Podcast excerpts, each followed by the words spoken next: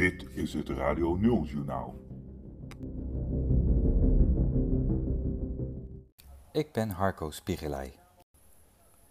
In het Brabantse Worteldonk is ophef ontstaan over de overname van cafetaria De Vethemel. De nieuwe eigenaars, Shania en Riano da Silva, wilden de snackbar Sharia noemen, een speelse samenvoeging van onze voornamen, al dus de ondernemers. Dit zorgde voor de nodige onrust in de Roomblankwijk. Tot na de orde blijft de oude naam op de gevel staan. President Trump heeft vandaag in een verklaring bekendgemaakt dat niet Neil Armstrong, maar hij de eerste man op de maan was. Kijk naar zijn handen, kijk naar mijn handen en die op de filmbeelden.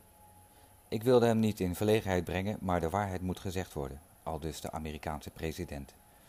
In dezelfde verklaring stelt Trump bovendien dat de maan gewoon in Arkansas ligt. Andere verklaring is fake news van de Democraten om Kennedy's bad deal met Cuba te verhullen. Het RIVM waarschuwt voor een nieuwe insectenplaag, de eikende recessierups. Medewerkers van de Inspectie voor de Volksgezondheid troffen het diertje aan bij een routine-inspectie op het Binnenhof. De eikenrecessierups richt met name economische schade aan. Daarnaast kunnen er vooral bij politici en economen allergische reacties ontstaan.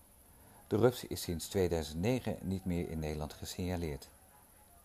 Het kabinet zegt het probleem serieus te nemen, maar zegt dat er nog geen reden is om zich grote zorgen te maken.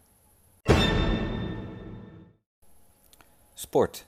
De tweede en laatste etappe van de Tour de Force is gewonnen door de Belg Sven van der Rappen.